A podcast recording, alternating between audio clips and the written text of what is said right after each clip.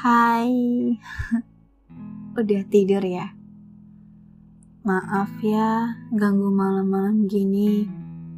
Dan mungkin ini jamnya kamu istirahat, tapi aku malah baru mulai kegiatanku. Sebenarnya aku baru nyelesain satu cerita yang judulnya udah sering aku spill di Instagram. After you left alias curhatanku tentang gimana hari-hari yang gak bisa aku lewatin setelah gak ada kamu. Ku pikir harus cerita ini bisa selesai dengan cepat. Tapi ya kamu tahu, aku orangnya lelet dan ceritanya baru selesai di minggu lalu. Setelah kurang lebih 4 bulan. Aku coba cari diksi yang mudah dibaca dan mudah dicerna karena aku tahu kamu gak bisa mikir yang berat-berat. Di cerita itu aku kayak diajak wisata masa lalu, mencoba mengulik dan bertemu sama luka lama yang sejujurnya belum benar-benar sembuh. Tapi satu hal yang harus kamu tahu sekarang, ketika aku menulis bagian akhir dari cerita itu, ada perasaan lega yang gak bisa aku deskripsikan dengan kata aku mendadak sadar bahwa selama beberapa bulan kemarin ternyata aku nggak benar-benar mengobati luka itu. Aku cuma pura-pura tutupin aja. Pura-pura udah move on, pura-pura bahagia, pura-pura udah bisa ikhlas. Padahal ya, namanya juga pura-pura. Dan di cerita itu, aku kembali belajar mengenal diriku sendiri kembali belajar untuk jujur bahwa benar ikhlas gak semudah kedengarannya. Bahwa melupakan gak bisa benar-benar aku lakuin. Akhirnya aku belajar lagi untuk keluar dari zona nyaman itu. Dan ya kamu jadi alasanku lagi untuk itu.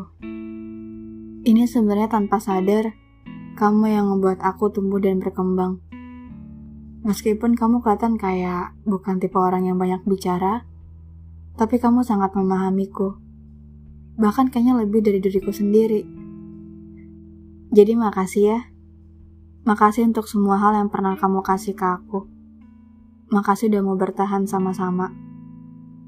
Siapa pun nanti perempuan yang akan menemani kamu, semoga dia punya rasa sayang yang lebih dari rasaku ke kamu. Semoga dia juga lebih bisa memahami kamu daripada yang aku lakukan dulu. I know, dia pasti beruntung banget karena bisa dapetin kamu. Karena aku tahu kamu gak pernah main-main soal perasaan. Kamu tahu kan, kalau di dunia ini gak ada yang namanya abadi. Termasuk kehadiran kamu. Tujuh tahun lalu, waktu aku doa dan minta sama yang punya semesta, untuk kasih aku rasa bahagia, dia kirim kamu.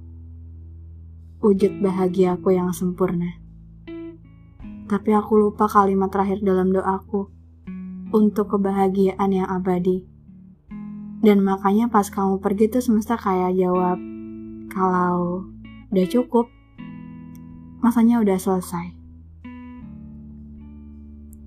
Waktu itu kamu datang membantuku untuk keluar dari dalam tempurung, membantuku merapikan ruangan-ruangan yang berantakan, membantuku untuk sembuh dari trauma masa lalu.